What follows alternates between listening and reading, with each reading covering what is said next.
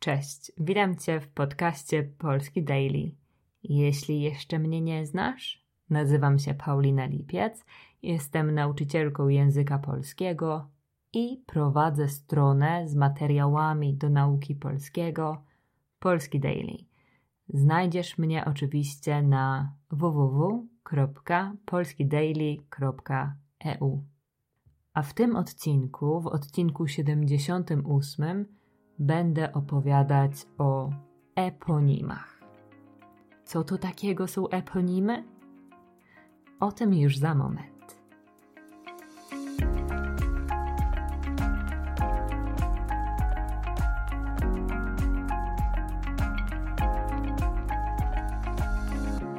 Kiedy kilka lat temu mieszkałam w Egipcie, raz w miesiącu odwiedzaliśmy moich teściów pod Kairem. Taka podróż pociągiem czasami trwała godzinę, czasami trwała cztery godziny, w zależności od pociągu. Dlatego w tym pociągu zawsze był serwis. Pewien mężczyzna podchodził do pasażerów i pytał, czy chcą kawę albo Nescafe. Normalnie nie piję kawy rozpuszczalnej, ale czasami prosiłam o Nescafe.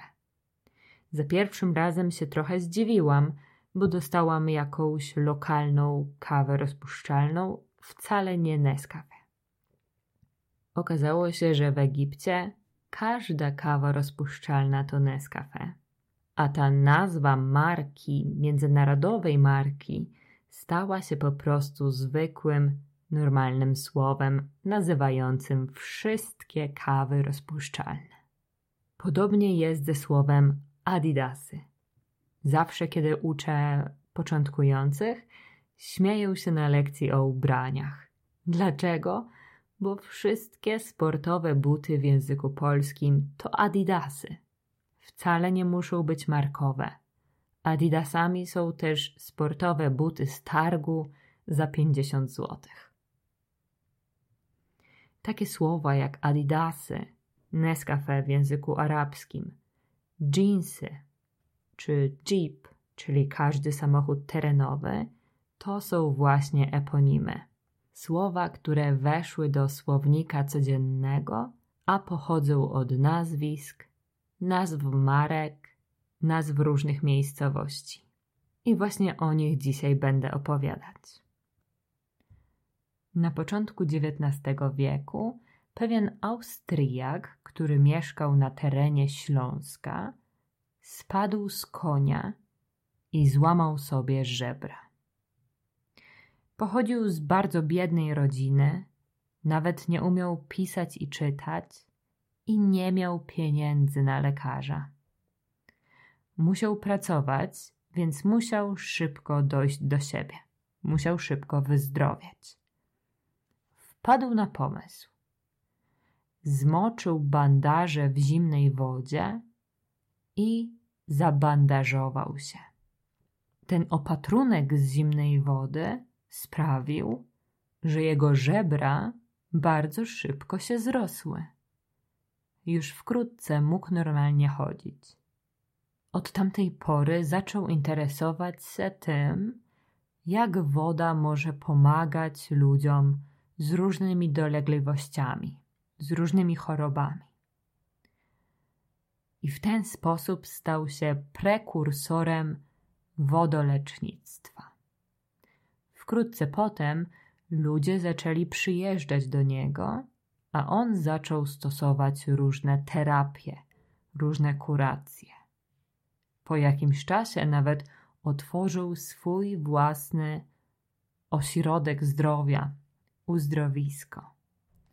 W tym uzdrowisku były różne baseny, wanny i natryski. Natrysk to taka fontanna w wannie. Ponieważ Vincent Prysznic, jak nazywał się nasz bohater, wierzył, że wiele chorób można wyleczyć za pomocą bardzo zimnego natrysku. I właśnie od jego nazwiska, prysznic, wziął się nasz polski prysznic, który chyba większość z nas ma w domu. Jak mogliście zauważyć, użyłam też synonimu słowa prysznic natrysk. Kiedy jesteście na plaży i chcecie się opłukać, to znaczy zmyć z siebie słoną wodę, wtedy możecie właśnie iść pod natrysk, bo takie prysznice w miejscu publicznym, też na stacji benzynowej, często nazywają się natryski. Co ciekawe, Vincent Prysznic umarł, kiedy miał 52 lata i jak się okazało, jednym z powodów jego śmierci było to, że w jego organizmie było za dużo wody, czyli umarł z przewodnienia. W tym czasie jednak już był bardzo bogatym człowiekiem, bo na wodolecznictwie zarobił bajońskie sumy. I cały jego majątek przeszedł w ręce jego najstarszego syna.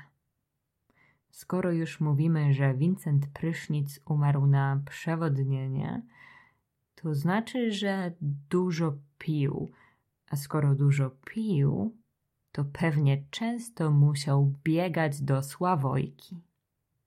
Co to jest Sławojka? zapytacie. Sławojka to drewniana toaleta na dworze, na zewnątrz. Jej nazwa pochodzi od drugiego imienia Felicjana Sławoja Składkowskiego, który był premierem Polski w latach 1936-1939. Składkowski był lekarzem i rozumiał, że bardzo ważna dla zdrowia jest higiena. Dlatego stworzył projekt. Nakazał budowanie drewnianych toalet w każdym gospodarstwie.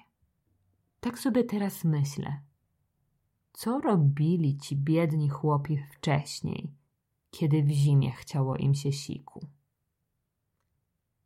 Pewnie musieli wychodzić na otwarte pole.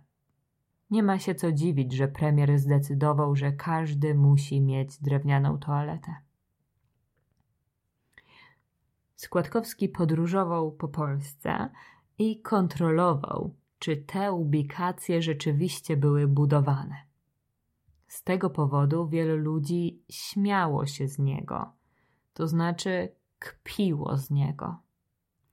A toalety nazwano na jego cześć Sławojkami.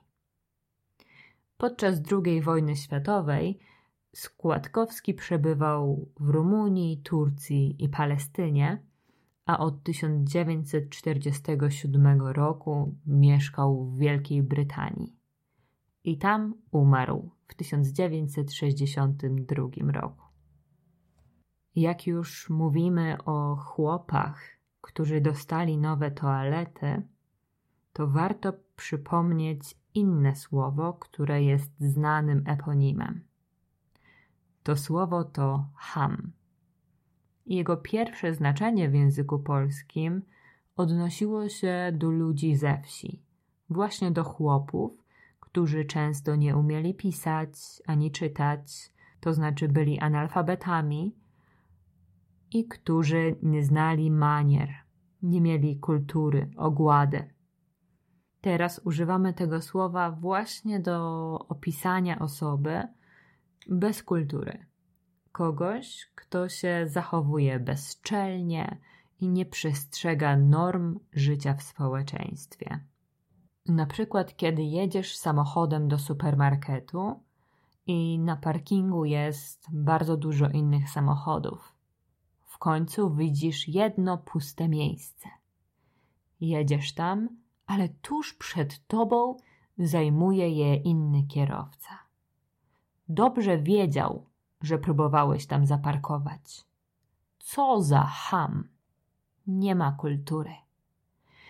Często tego słowa używamy w połączeniu ze słowem prostak i mówimy: Co za ham i prostak. A czy wiesz skąd pochodzi słowo ham? Z Biblii.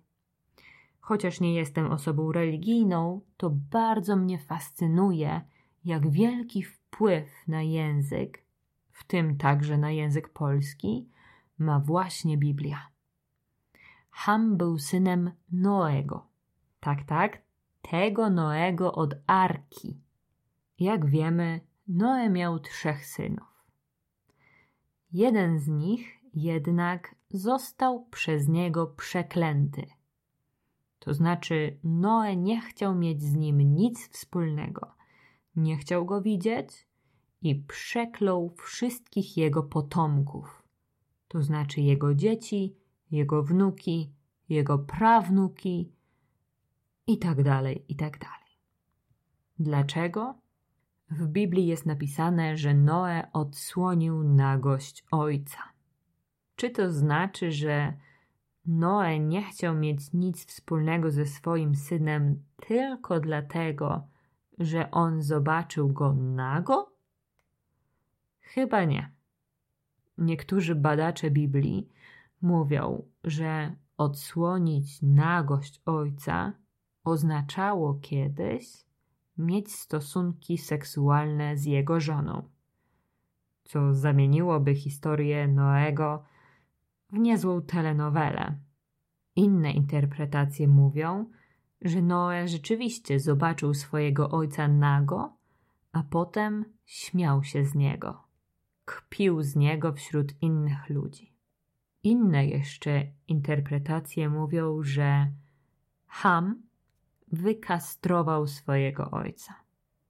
Nigdy się nie dowiemy, jaka była prawda, ale Ham pozostał w języku polskim i jest bardzo negatywnym określeniem kogoś bez kultury. Pamiętacie jeszcze, jak w historii o panu prysznicu mówiłam, że zarobił bajońskie sumy na wodolecznictwie? Bajońskie sumy to też jest eponim. Ale musicie się teraz skoncentrować, bo ta historia nie jest łatwa. Ok? Gotowi? Być może wiecie, że przez 123 lata Polski nie było na mapie. Polska nie istniała. Część Polski należała do Rosji, część do Austrii i część do Prus. W tej części, która należała do Prus, Polacy, mieszkańcy tego terenu, mogli brać kredyty. I w tym samym czasie Polacy intensywnie walczyli o odzyskanie niepodległości, o swoje państwo. Ponieważ mieli dobre kontakty z Napoleonem, udało im się doprowadzić do tego, że w 1807 roku cesarstwo francuskie z Napoleonem na czele podpisało traktat z Imperium Rosyjskim i Królestwem Prus. W tym traktacie było napisane, że te tereny znalazły się pod władzą Napoleona, który utworzył Księstwo Warszawskie. Oczywiście, kiedy powstaje nowy kraj, jest bardzo dużo decyzji politycznych do podjęcia. Jedną z takich kwestii było to, komu teraz ludzie mają spłacać te kredyty, które wzięli. Oczywiście Napoleonowi, bo to on wyzwolił te tereny. Napoleon miał jednak wielkie serce. Podczas porozumienia w Bajonie zgodził się, żeby to księstwo warszawskie pobierało spłatę kredytu od ludzi. Nie zrobił tego jednak za darmo. Zażądał 21 milionów franków, czyli połowy całych długów. Jak możecie się domyślić, zapłacenie takiej sumy Napoleonowi kompletnie zrujnowało księstwo warszawskie, które później miało też problem z odzyskaniem długu od ludzi. To państwo nie istniało jednak długo. Dużo dłużej została z nami fraza bajońskie sumy. Określamy nią wszystkie duże kwoty, które albo musimy płacić, albo o których słyszymy. Na przykład, kiedy jakaś wielka firma musi wypłacić 10 milionów dolarów odszkodowania klientowi, to możemy powiedzieć, Apple musi zapłacić bajońskie sumy temu klientowi. Kolejnym ciekawym słowem, o którym chcę Wam opowiedzieć, jest słowo banialuka albo banialuki. W języku polskim to słowo funkcjonuje jako niemożliwa, nieprawdziwa historia. Na przykład, kiedy wasz kumpel mówi, że spotkał wczoraj kosmitów i że planują zaatakować Ziemię dzisiaj wieczorem. Wtedy możecie powiedzieć: Ale banialuki wygadujesz, ale głupoty mówisz. Co ciekawe, Banialuka to też miasto w Bośni. I można od razu pomyśleć, że właśnie od tego miasta pochodzi polskie słowo. Tylko dlaczego Banialuka znaczy nieprawdziwą historię?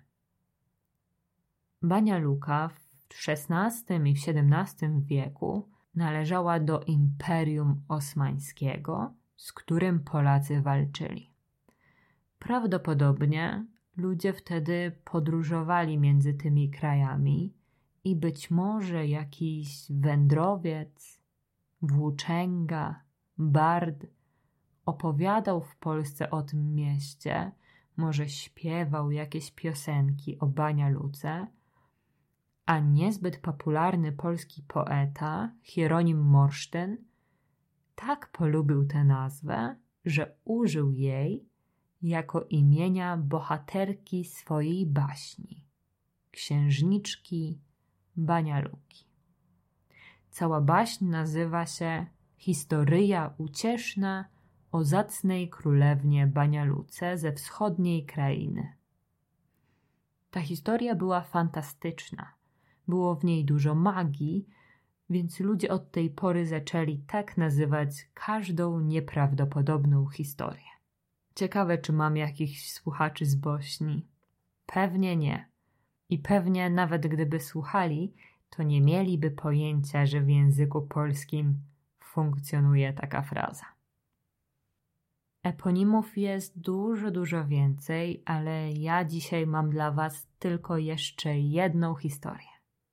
Jeśli jesteście intelektualistami, a pewnie jesteście, albo kiedyś tak jak ja próbowaliście nimi być, to pewnie słyszeliście o Marcelu Pruście i jego niesamowicie nudnej powieści w poszukiwaniu straconego czasu. W tej książce główny bohater i narrator opisuje wspomnienie jedzenia pysznych ciasteczek migdałowych w kształcie muszli które moczył w herbacie i których smak wywoływał u niego piękne wspomnienia. Prust pisał o Magdalenkach, które być może znacie jako Madeleine. Nie są to jakieś super popularne ciasteczka w Polsce i z pewnością nie kojarzą Wam się z Polską. Ale możecie się zdziwić, że te ciasteczka mają całkiem sporo wspólnego z polskim królem Stanisławem Leszczyńskim. W 1755 roku król Stanisław zaprosił na obiad śmietankę towarzyską z Francji. Creme de la creme francuskiej arystokracji. Oczywiście taki obiad planowało się wtedy z wyprzedzeniem co będzie do picia, jakie będą przystawki i co na deser. Pech chciał, że tego samego dnia, kiedy miał się odbyć obiad, kucharz króla pokłócił się z jego lokajem i odmówił zrobienia deseru. Król wpadł w panikę. Być może zaczął krzyczeć, być może zaczął biegać po pokoju, i przeklinać kucharza? Kto wie, co stało się z kucharzem? Ale nagle odezwała się młoda francuska służąca. I teraz moi francuscy słuchacze mnie zlinczują, bo zawsze kaleczę francuskie słowa. Służąca ta nazywała się Madeleine Polmier. Madeleine, czyli po polsku Magdalena, zaproponowała, że na deser upiecze ciastka według przepisu swojej babci. Król nie miał innego wyjścia, musiał się na to zgodzić. Madeleine zabrała się do pracy. Kiedy skończył się obiad i podano na deser ciasteczka, goście byli zachwyceni. Królowi bardzo smakowały ciasteczka Madeleine. Tak bardzo, że poprosił służącą o upieczenie jeszcze jednej porcji, którą wysłał do swojej córki, królowej Francji i żony króla Ludwika XV. Ona również wpadła w zachwyt nad ciasteczkami młodej Madeleine. Poczęstowała nimi swoich znajomych, a ci swoich, i tak przepis babci Madeleine stał się jednym z ulubionych przepisów na słodycze we Francji. Ja muszę wam przyznać, że nie przepadam za magdalenkami. Oczywiście, jeśli nie mam w domu nic innego słodkiego, to zjem i magdalenki. Ale zdecydowanie bardziej wolę szarlotkę. To już wszystko w tym odcinku. Jeśli znacie jakieś inne eponimy albo historie o eponimach w waszych językach, to napiszcie do mnie na Instagramie małpa polski podkreślnik daily albo na Facebooku. Tam mnie również możecie znaleźć jako Polski Daily. Tymczasem zapraszam również do klubu filmowego i klubu gramatycznego, które co tydzień organizujemy dla członków klubu Polski Daily na Zoomie. Żeby dołączyć, musicie wejść na www.polskidaily.eu ukośnik sign up. Czekamy tam na Was ja i Patrycja, która prowadzi klub gramatyczny. To już koniec i bomba. Kto nie słuchał, ten trąba. Do usłyszenia.